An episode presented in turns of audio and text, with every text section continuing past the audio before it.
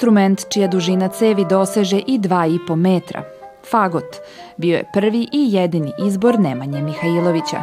Instrument masivne boje u nižim registrima, a opet lepršav i mek u višim, počeo je da se razvija u 16. veku, ali je svoj konačan oblik dobio tek tri veka kasnije. Iako najčešće ima orkestarsku primenu, pojedini kompozitori poput Vivaldija, Webera, Strausa i Humela stavili su fagot u centar zbivanja, komponovavši koncerte za ovaj instrument.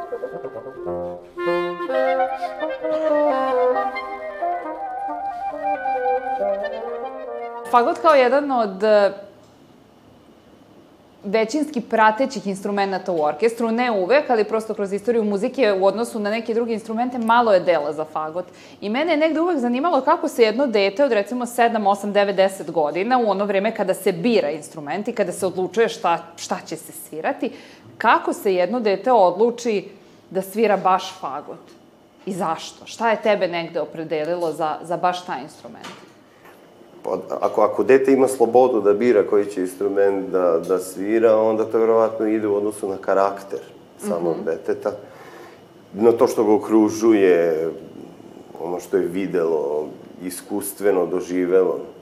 Mada ti instrumenti za koje ljudi kažu da su neobični, deficitarni ili redki, kao fagot, oboa, horna, i šta znam, uglavnom se kasnije deca opredeljuju ili kreću u školu ili kreću da uče kad već malo porastu, ima 90 godina i mislim sa 9 i 10 godina dete već može da, da otprilike zna ovaj, da li mu se nešto dopada ili izbog čega.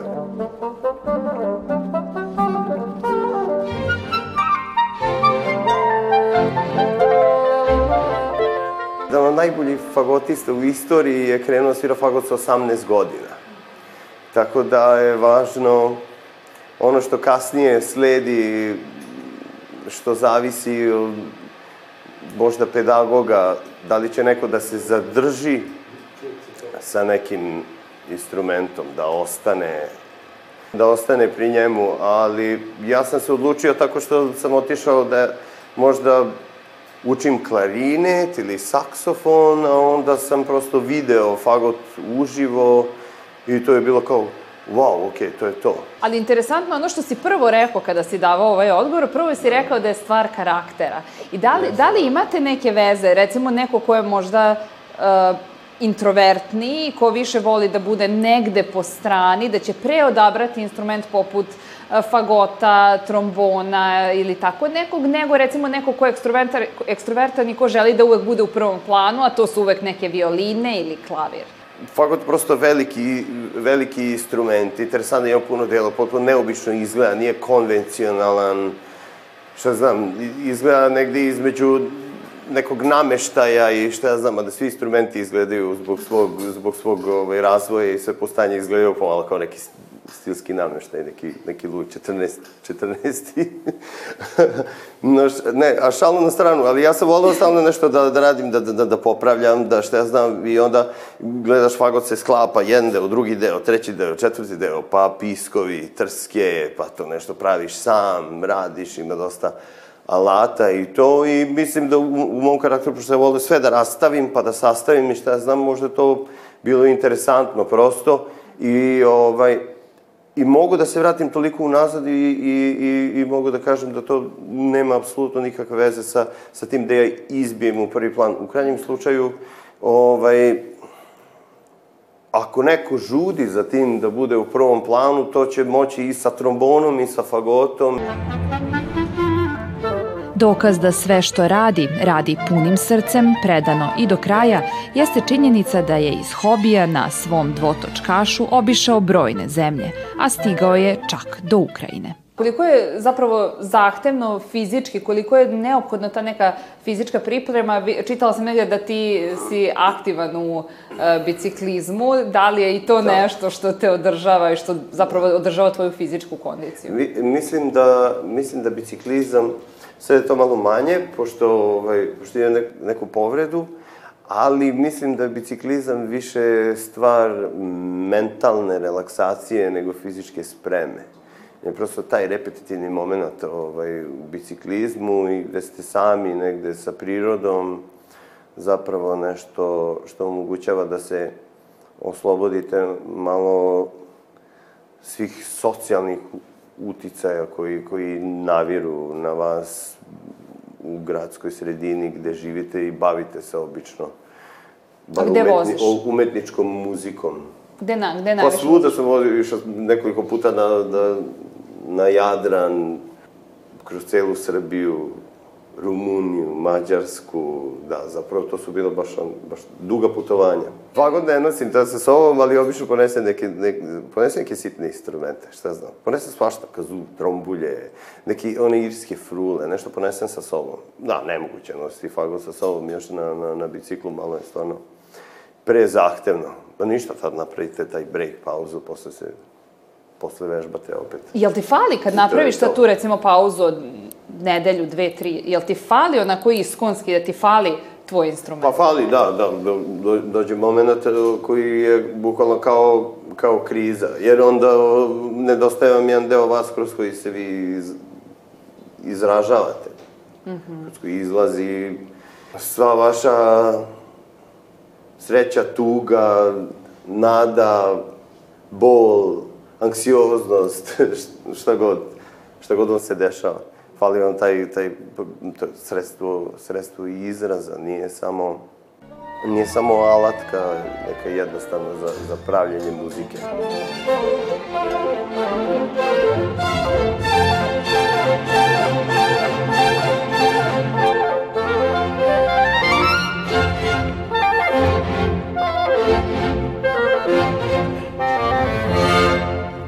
se vratiš i onda krene ovih prvi 15 minuta zvuči super i onda shvatiš ono da si ispao potpuno iz forme za, za pet dana, ne, ne za dve nedelje biciklizma i ovaj... I ništa, onda idu. I ti ide malo izdržavanje tonova i sve to je jedno par dana i onda sve ponovo bude okej. Okay.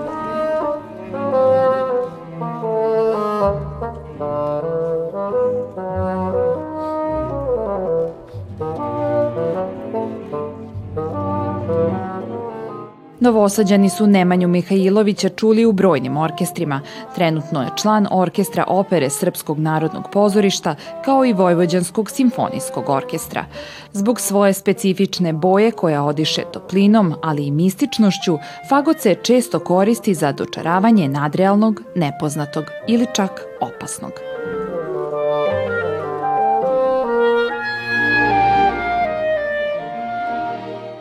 Fagot je malo instrument krajnosti ili dodatne farbe, nekog dodatnog. Pošto je drveni instrument, pa još i veliki, u pitanju trska, znači neka određena vibracija i šta znam, onda taj neki groteska, humor, ta sitna, sitna gogika, kratke note, može da dočara u muzici neke te nespretne situacije ili šta znam. Do, s druge strane, onda neka druga potpuno mračna atmosfera.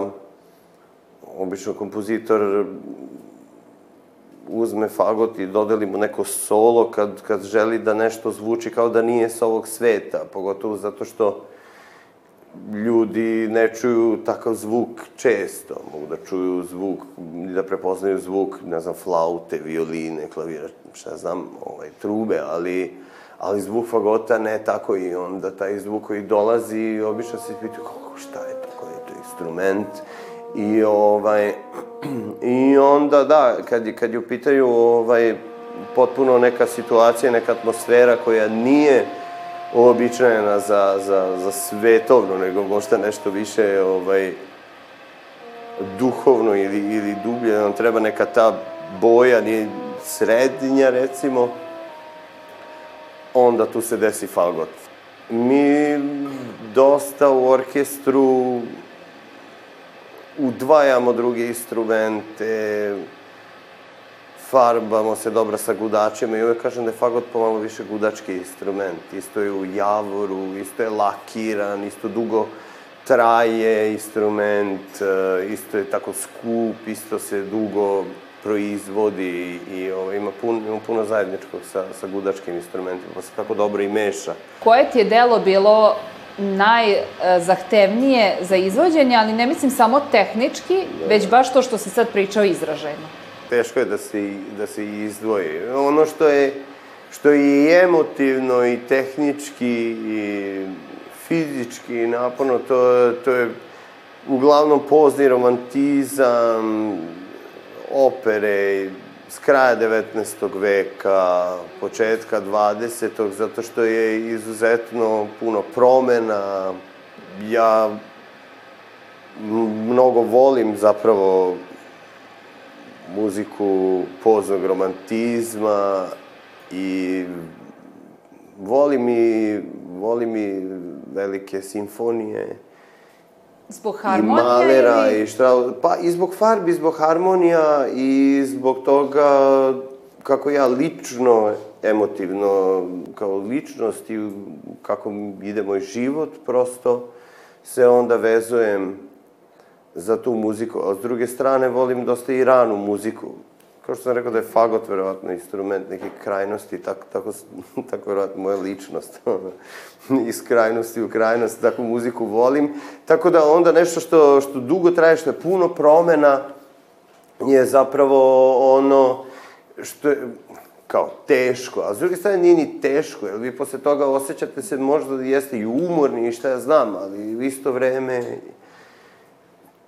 ste ispunjeni i emotivno ste nešto proživeli, prošli, rešili sami sa sobom ili se zapitali ili se niste zapitali.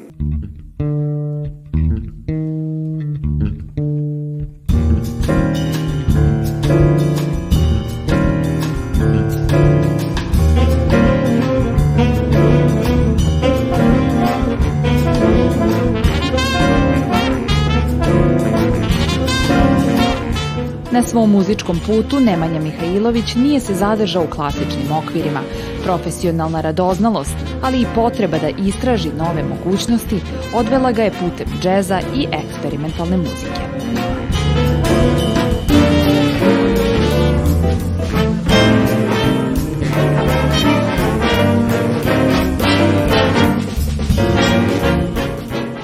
Dan danas puno vremena posvetim slušanju muzike. Eksperimentišeš, slušaš, ajde, ajde da čujemo ovo, ajde da čujemo ovo, sve stvari, koliko te zanima, šta te zanima. I onda slušanja džeza, pevanja u kupatilu, do nekog jam sessiona, do toga ti kaže devojka, ajde izađi pevaj. Ajde, nema veze, to je jam session do toga da ona kao sad, ej, dirigovao Big Bandom omladinskim, da, dirigovao Big Bandom omladinskim, da, ne možeš to da, da, mogu, zanima me, interesuje me svašta, ok, radit ću i to, vežbat, pripremit ću se za to, ajde da, muzičar sam, boga mu, ajde sad, škola te negde stavi, ako razmišljaš čisto školski i činovnički, e, to si završio, radi to, nemoj ni slučajno da uzimaš da radiš ništa drugo, nemoj time da se baviš, nemoj to ni da pokušavaš uopšte da radiš, a onda se vratiš unazad. I onda zašto se ne bi, ovaj, zašto ne bi video šta su najveći radili, ako Mozart i Beethoven su išli kod Haydna na privatne časove iz harmonije ili kontrapunkta onoga što im je trebalo, tako ti ideš, učiš bubanj kod nekog platiš i I usavršavaš I usavršaj ili, ili ne, ili bez, ili šta, šta god, tražiš, kopaš, ako te to zaista pasionirano želiš to, onda tražiš Jedan dirigent nam je jednom rekao kad je radio nekom orkestru, koje danas imate sve dostupno. I zaista danas je stvarno sve dostupno. Ranije su ljudi išli, kupovali ploče, tražili, kopali, skidali muziku sto puta vraćajući taj vinil i sve to, interesovanje, znači ogromno goriš za to. Danas je sve dostupno kao da interesovanje malo. Fly me to the moon and let me play among the stars. Let me see what spring is like on the Jupiter and the Mars. But in other words, Baby, hold my hand. Tako da ja sam to prihvatio sve u beručke, ne kao sad ono, e, ja ću sad da se oprobam u tom, da, ja ću da uzmem sad i da pevam jazz standard. Ja ću da ga naučim da pevam i to. Pa ću, ne znam, da pitam nekog da mi, da mi pokaže, ajde sada glas, grlo, bez obzira što ja znam da dišem, ne znači da automatski sviram duvački instrument. Ne znači da, da, da je to automatski gotovo sve i ja sada to uzmem i sad pevam. Ovaj, znači, mora da se uloži neki određeni trud. Ali mislim da granica ne postoji. Negde, ali isto, možete i u školi da nađete isto na nekog ko je ovaj, otvorenog, otvorenog uma i ko će vam kaže da, da, što da ne, slobodno. Yeah dva, jedan, dva, tri.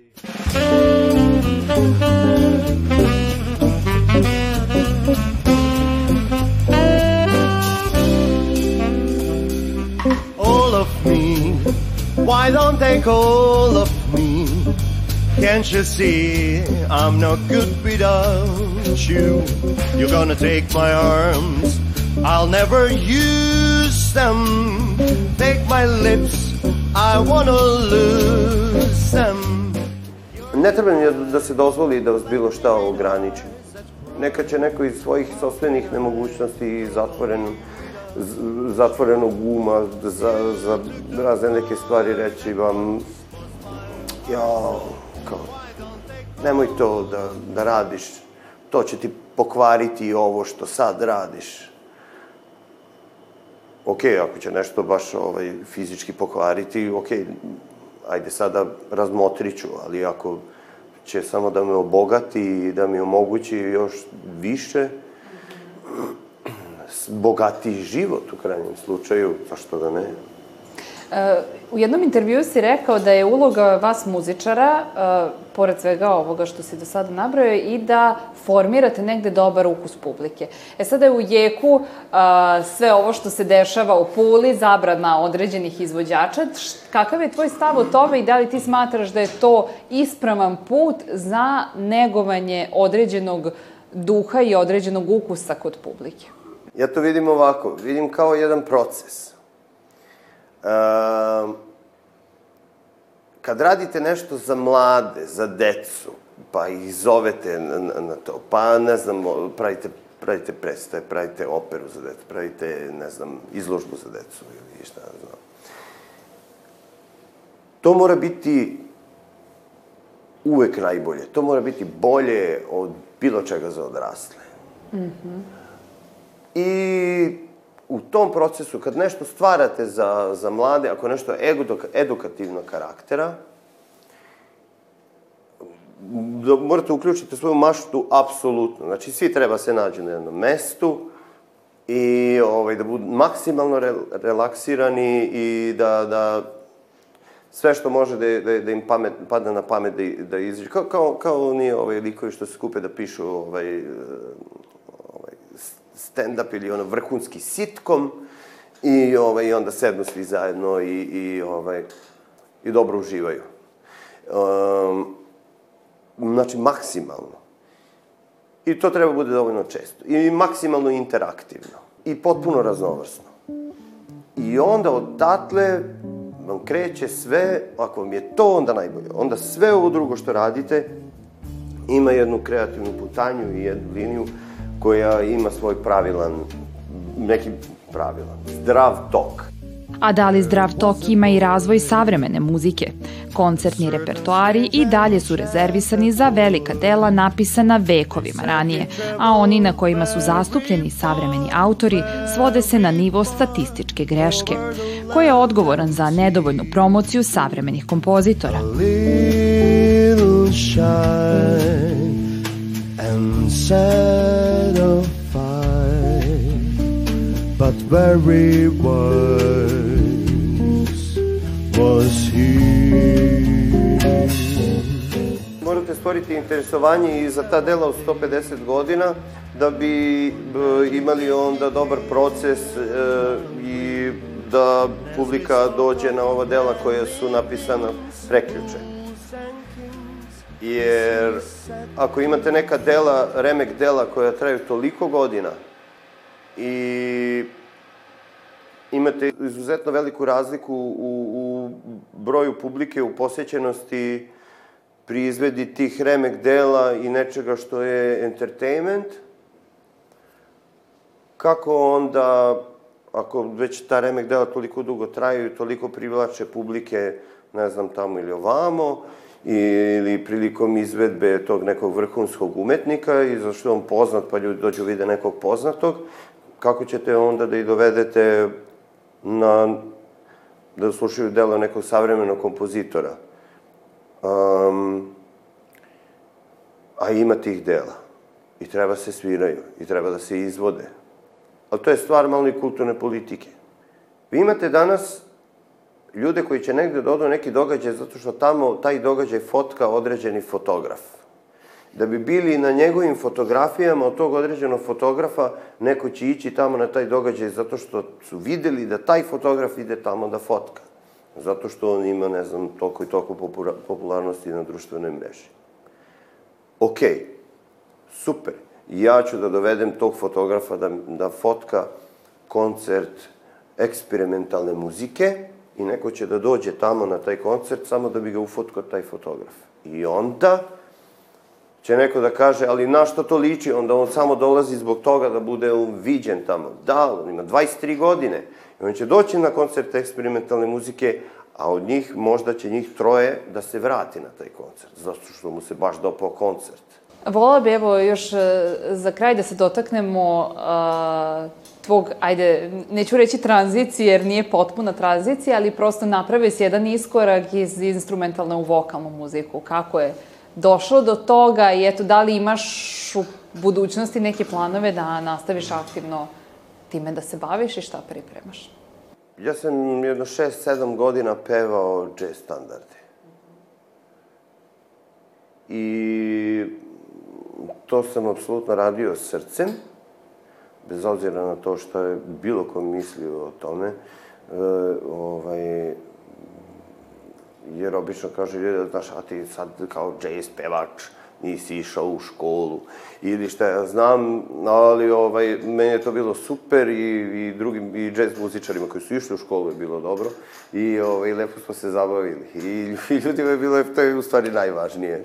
Sve da pričam neke budalaštine, ali zapravo ovo je, ovo je, naj, ovo je najvažnije.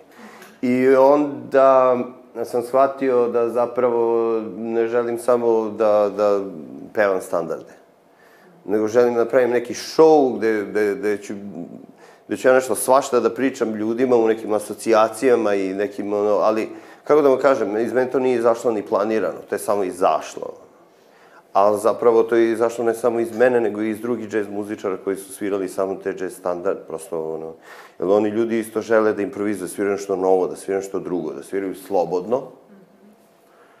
I onda smo mi počeli da imamo taj performans koji zovemo Čičini čvorci, što ništa ne znači, što nema veze ni sa čim, prosto se tako zove, to je samo izletelo. I da, tu ima svašta dead metal, funk, soul, rap, pričamo, na dvojke narodne, izvrtanje pe, poznatih pesama kao čarape na opačke, totalno. E, potpuna sloboda improvizacije i svega. Skup svih iskustava koje svaki od tih muzičara koji svira u bendu ima u svom životu i radu to može da dođe tamo do izražaja, potpuno bez viška ega, koliko je to god moguće, i to je jako dobro. To je jako dobro za nas i jedan broj ljudi postoji kojima se to dopada, potpuni underground, ništa snimljeno, ide od usta do usta. Spoznaja da ne postoji granica – Odvažnost da izađe van okvira i predanost da se potpuno udubi odlike su van serijskog umetnika, a Nemanja Mihajlović u svojoj srži to i jeste.